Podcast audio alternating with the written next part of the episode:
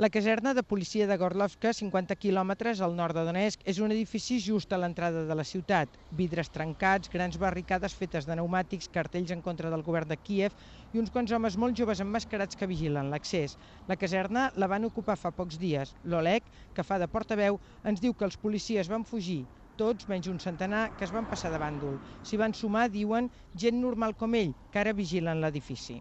Som aquí per protegir la ciutat del caos. Som gent normal i pacífica, ho poden veure.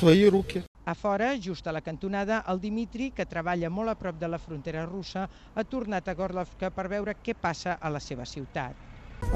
Després de l'arribada de les milícies prorusses, els caixers automàtics no van, res no funciona, és impossible obtenir diners. Els bancs no funcionen. Aquesta és una zona contaminada per les enormes fàbriques metal·lúrgiques i químiques, un aire irrespirable que provoca malalties de gola i de pulmó i uns edificis ennegrits pel fum i per la brutícia.